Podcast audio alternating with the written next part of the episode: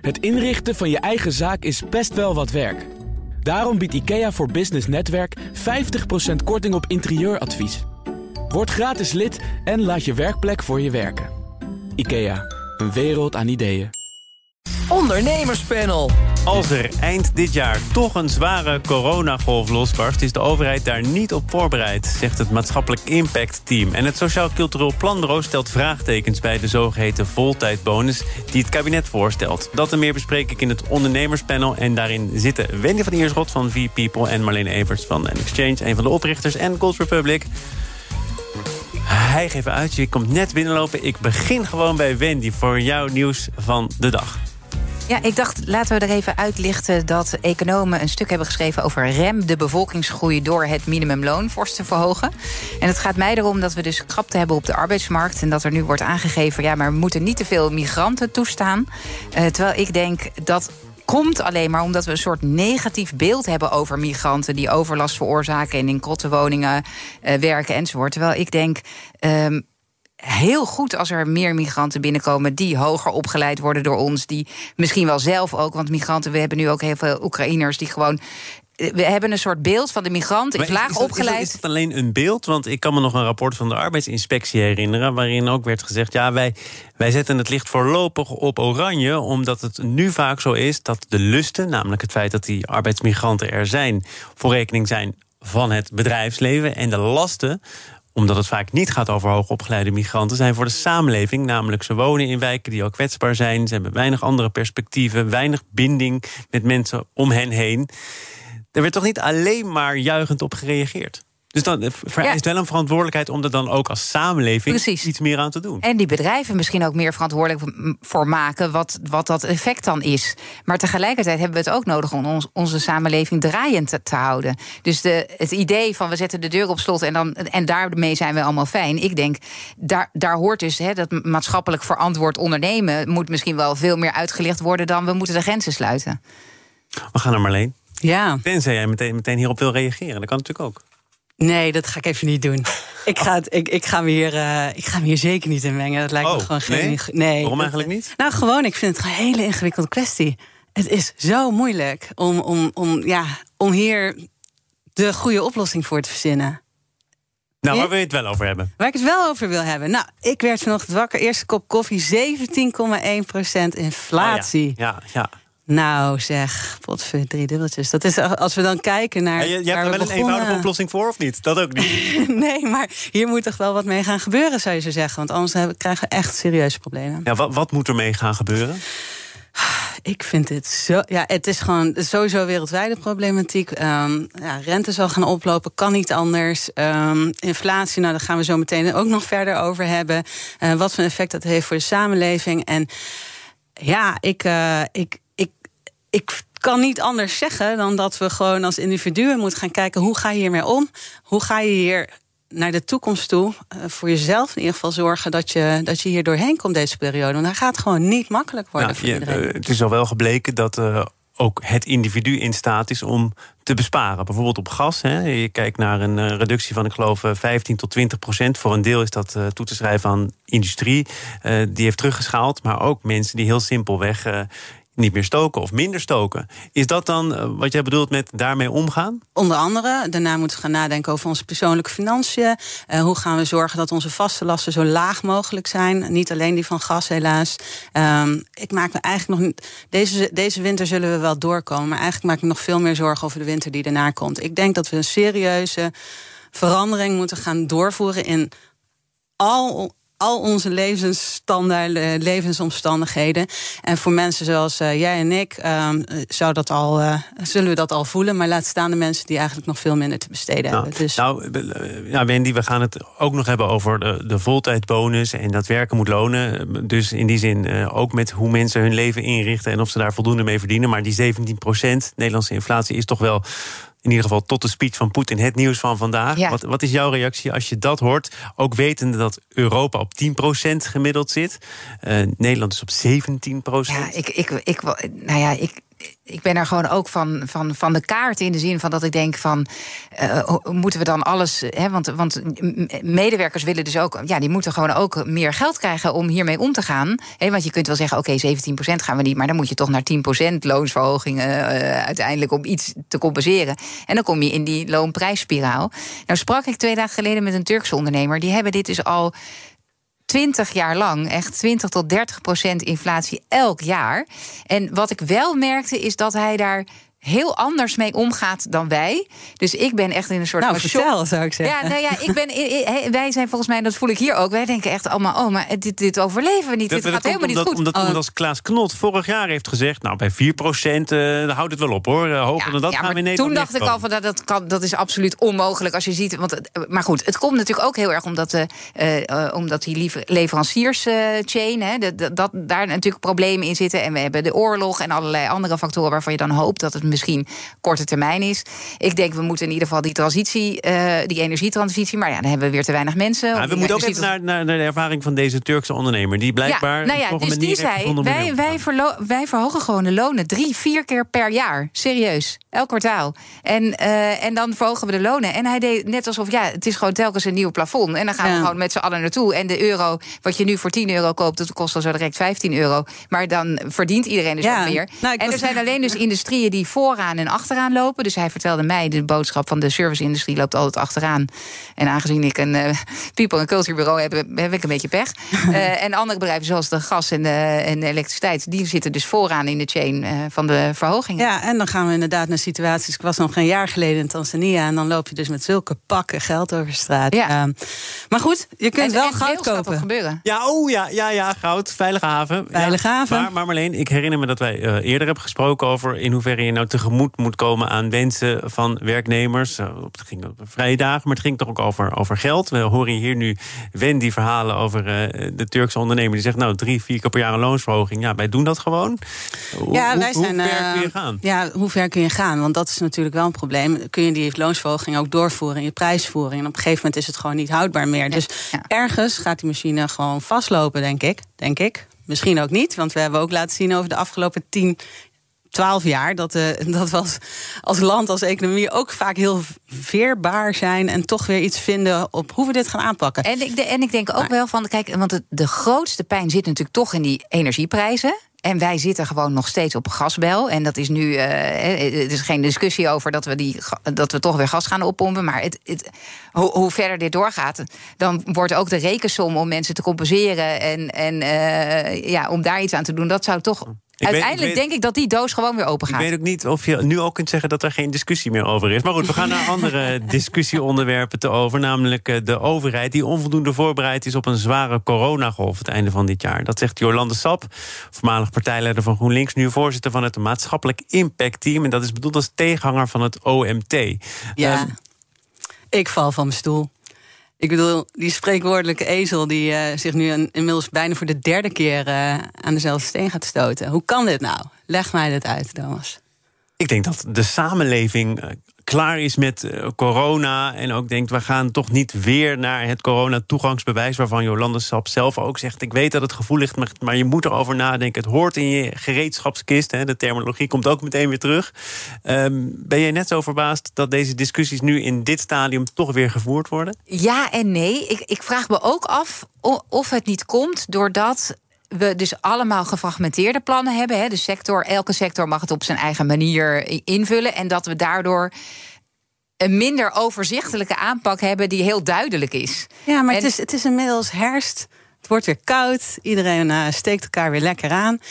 Dan mag je toch hopen dat we daar niet nu, maar echt een half jaar geleden over nagedacht hebben met z'n allen. Hoe gefragmenteerd Ja, maar dat, volgens dat mij, ik, ik, heb, ja, ik heb er natuurlijk totaal geen verstand van. Laten we daar even eerlijk voor zijn. Maar ik heb niet het idee. Uit? Nee, ik heb, ja, nee, maar ik heb niet het idee dat er helemaal niet over nagedacht is. Ik vraag me alleen af uh, tot welke mate kunnen wij controle hebben en plannen hebben liggen die allemaal. Want er zijn scenario's uitgewerkt, er zijn een heleboel uh, dingen besproken. In hoeverre uh, zijn we ook niet op een punt gekomen dat we alles willen controleren en dat alles duidelijk is van nee, nee, tevoren, whatever er happens. Nee, ja, ik heb het ook niet over de maatregelen die genomen worden. Maar waar ik verbaasd over ben, is dat er gewoon geen plan klaar ligt. Um, wat de maatregelen nou zullen zijn. Gaan we terug naar een coronapas? Gaan we dat niet doen? Laat alsjeblieft iemand gewoon de beslissing nemen wat er gaat gebeuren. Ja, maar dat, ik, ik heb het idee dus niet dat er geen plan ligt. Maar misschien heb ik dat nee, niet zijn, goed gelezen. Zijn, eh, volgens mij was het idee, eh, wij laten het voor een belangrijk deel, zoals jij aan zegt, de aan de samenleving zelf, aan die sectorplannen. Die sectorplannen kwamen vrij laat. En het oordeel van minister Kuipers over die sectorplannen kwam ook al laat. Er is een soort noodwet nog eh, gepresenteerd. Haastklus, zei het ministerie zelf ook, om in ieder geval iets voor elkaar te hebben over wie waar precies verantwoordelijk voor is.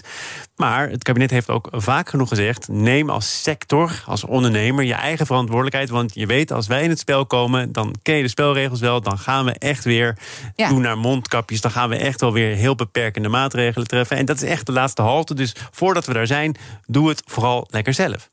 Precies, en dan, en dan is dus de consequentie dat we dus in deze, dit vaarwater zitten, heb ik ook het gevoel. Weet je, dus ik, denk, ik heb ook een beetje het idee van: het maakt niet uit wat we doen, het is altijd verkeerd.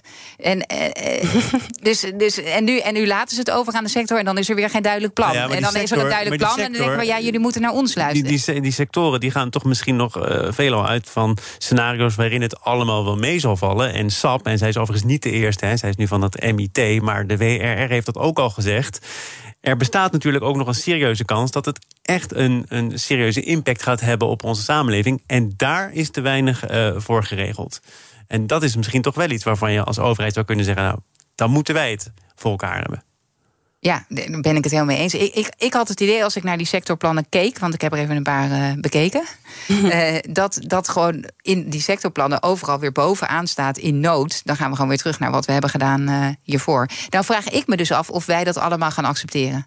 misschien wel als er inderdaad echt wachten, hè, als we echt mensen in de gangen van ziekenhuizen zien overlijden, dat dat misschien gaat gebeuren. Maar zolang dat er niet is, vraag ik me ook af met welk plan je de samenleving nog in Nederland, hè, want wij zijn allemaal niet zulke volgzame types. Nou, ik vind toch eigenlijk wel dat er, dat er op een gegeven moment wel wat leiderschap in mag, uh, naar voren mag komen. Die gewoon zegt: zo gaan we het doen. Want je kunt het niet met z'n allen beslissen. Dat gaat gewoon niet. Dus we moeten gewoon op een gegeven moment, moet toch helaas de overheid zeggen: van en zo gaan we het doen.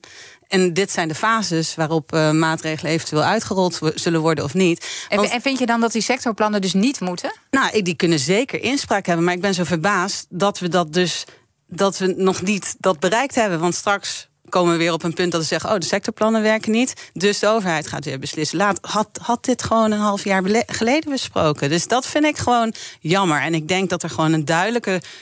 Ja, er moet gewoon iemand zijn die de keuzes maakt. En we kunnen het niet overlaten aan, aan heel veel verschillende. Ik ga spijkerharde keuzes maken. We gaan in het panel in ieder geval naar een andere fase.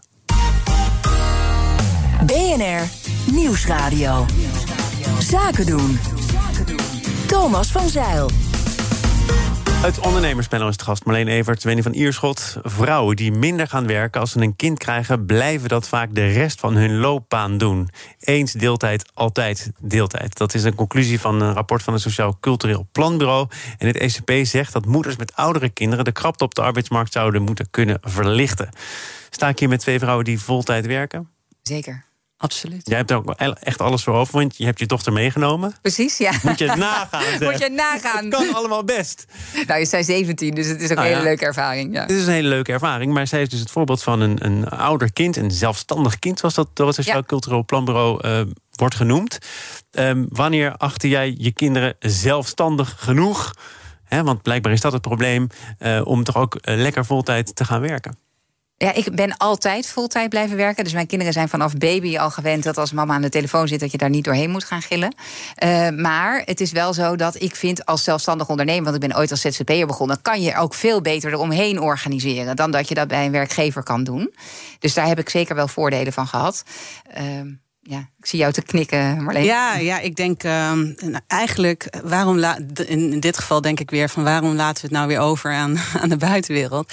Um, ja, in principe zou je zelf ja, creatief en organisatorisch goed genoeg in elkaar moeten zitten om dat te kunnen organiseren. Maar. Meen je dat nou als je bijvoorbeeld ook nog een serieuze mantelzorgtaak hebt? Hè? Er wordt nu gezegd, er is van alles eh, georganiseerd om ervoor te zorgen dat jonge vrouwen met jonge kinderen, het gaat toch vooral over vrouwen, helaas merk ik, eh, gaan werken door bijvoorbeeld kinderopvangtoeslagen anders te organiseren voor een belangrijk deel. Nou, kijk, dat zou ik nou echt fantastisch vinden. Want, want zeg maar, die, die kinderopvang is natuurlijk het grote probleem. Ik bedoel, wij kunnen dat, uh, althans spreek voor mezelf, kunnen dat nog bekostigen.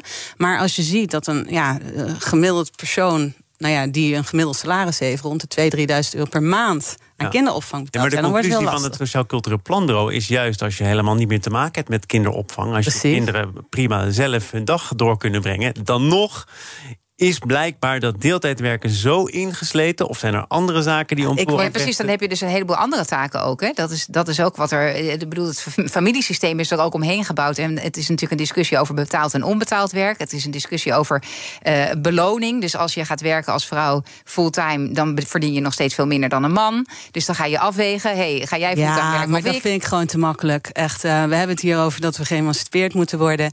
Ik bedoel. Dan gaan we dat toch niet overlaten aan de samenleving om dat voor onszelf te laten beslissen.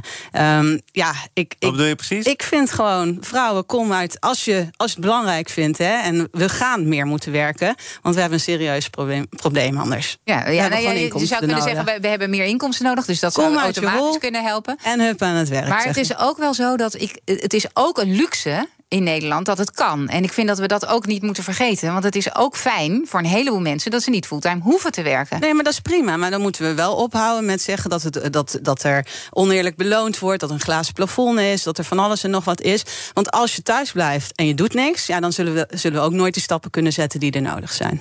Ja, ben ik het met je eens. En het is herintreden is hartstikke moeilijk. Hè? Dus je komt ook niet meer terug op dat niveau. Dus, dus ik ben er heel erg voor dat iedereen, alle vrouwen gewoon moeten blijven werken. Want als je er helemaal uit bent een paar jaar, dan kom je ook niet meer terug op een niveau waarop het interessant voor jezelf is. En je eigen ontwikkeling stopt daarmee, wat ook weer effect heeft op je kinderen. Eh, maar ik vind het dan weer een beetje te makkelijk om te zeggen: oké, het ligt alleen maar bij de vrouw. Want het is ook de context die we creëren met Ja, elkaar. dat snap ik wel. Want we hebben dan. eh, Ik snap dat je dat zegt, maar toch, ik kom uit Curaçao en daar is mantelzorg eh, heel erg geïntegreerd. Hè. Eh, we zorgen voor onze oma's en die zorgen voor onze kinderen. En dat systeem dat werkt als een trein. En de moeders werken gewoon. Ja. Geen enkel probleem. Maar het gaat, ook, om- het gaat ook om meer werken. Ik moet toch even de voltijdbonus ingooien, dat begrijpen jullie. Eh, Het kabinet broedt namelijk op een maatregel voor mensen die in deeltijd werken. En onderzoeker Wil Portegies van het Sociaal en Cultureel Planbureau stelde eerder op deze zender dat een extra financiële prikkel deze vrouwen niet over de streep zal trekken. Eh, voor, voor deze groep vrouwen verwacht ik daar niet zoveel van. Eh, Uit onderzoek blijkt dat ze weinig, financieel, weinig gevoelig zijn voor financiële prikkels. Eh, en ik denk ook, eh voltijds, dat is wel eh, echt een heel stuk meer dan wat ze nu doen. Ze werken nu gemiddeld drie dagen in de week. Het zou mooi zijn. Ik zou denken van, goh, waarom, waarom niet een bonus op mensen die een dag meer gaan werken dan wat ze deden? Nou, nou weet jij natuurlijk ook wel het een en ander van HR. Sterker nog, Ja. hele bedrijf is daarop gericht. Precies. Deze onderzoeker zegt, financiële prikkels, ik verwacht er niet heel veel van. Wat Nee. denk jij? Nou, daar ben ik het mee eens. Ik, ik denk wel dat het enorm uitmaakt als je iemand hebt die nu drie dagen werkt. en je vraagt aan die persoon: wil je langer werken? Wat is daarvoor nodig? Dat, er, dus dat het veel meer zit in flexibiliteit dan in een extra bonus die je dan krijgt. Maar heel vaak willen mensen best wel extra werken. Maar dan is het van ja, maar ik moet die twee dagen moet ik eh, ook nog voor mijn moeder eh, rijden hier naartoe. Of ik wil eh, mijn zoon daar naartoe brengen. En een beetje meer flexibiliteit zou wel heel erg helpen. Er zijn er ook onder andere vakbonden en zelfs het College voor de Rechten van de Mens die twijfelen aan die bonus, want het zou discrimineren. Je gaat mensen, en dat zijn trouwens vaak mannen, meer betalen voor hetzelfde werk, omdat ze dan voltijd werken. Dus Ja. het discrimineert. Ben je het daarmee eens? Ja, ik, ik, word, ik word gewoon een beetje stil van deze hele discussie. Dat we hem überhaupt aan het voeren Oh, zijn. dat, dat heb ik niet gemerkt dat je zo stil werd.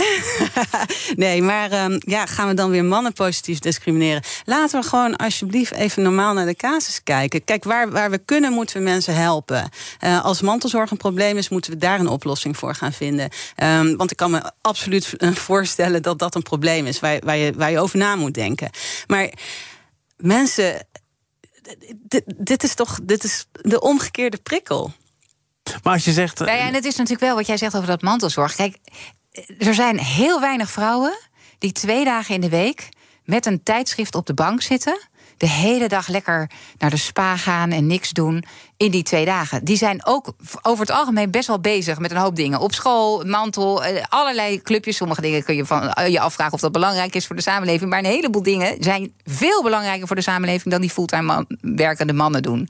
Eh, alleen we betalen het niet. Dus we hebben het over. Ze moeten fulltime betaald werk doen. Wat misschien wel minder belangrijk is dan het werk wat ze nu onbetaald doen. Dat vind ik er dus ook heel ingewikkeld aan. Want dan gaan ze dat doen. En wie doet dan dat andere werk? Nou ja, ik denk, gebruik die bonus om dat in te vullen. Marleen Evers, met een eh, suggestie tot slot. Want het, het is voorbij gevlogen, dames. Jammer. Nou, maar het ging Is toch het alweer over? Het is alweer over. Nou. Uh, Marlene Evers was hier voor zolang het duurde van N-Exchange en Gold Republic. En Wendy van Ierschot van V-People. Dank voor jullie bijdrage. Zometeen dan uh, wordt er gepitcht in dit programma. Het inrichten van je eigen zaak is best wel wat werk. Daarom biedt IKEA voor Business Netwerk 50% korting op interieuradvies. Word gratis lid en laat je werkplek voor je werken. IKEA, een wereld aan ideeën.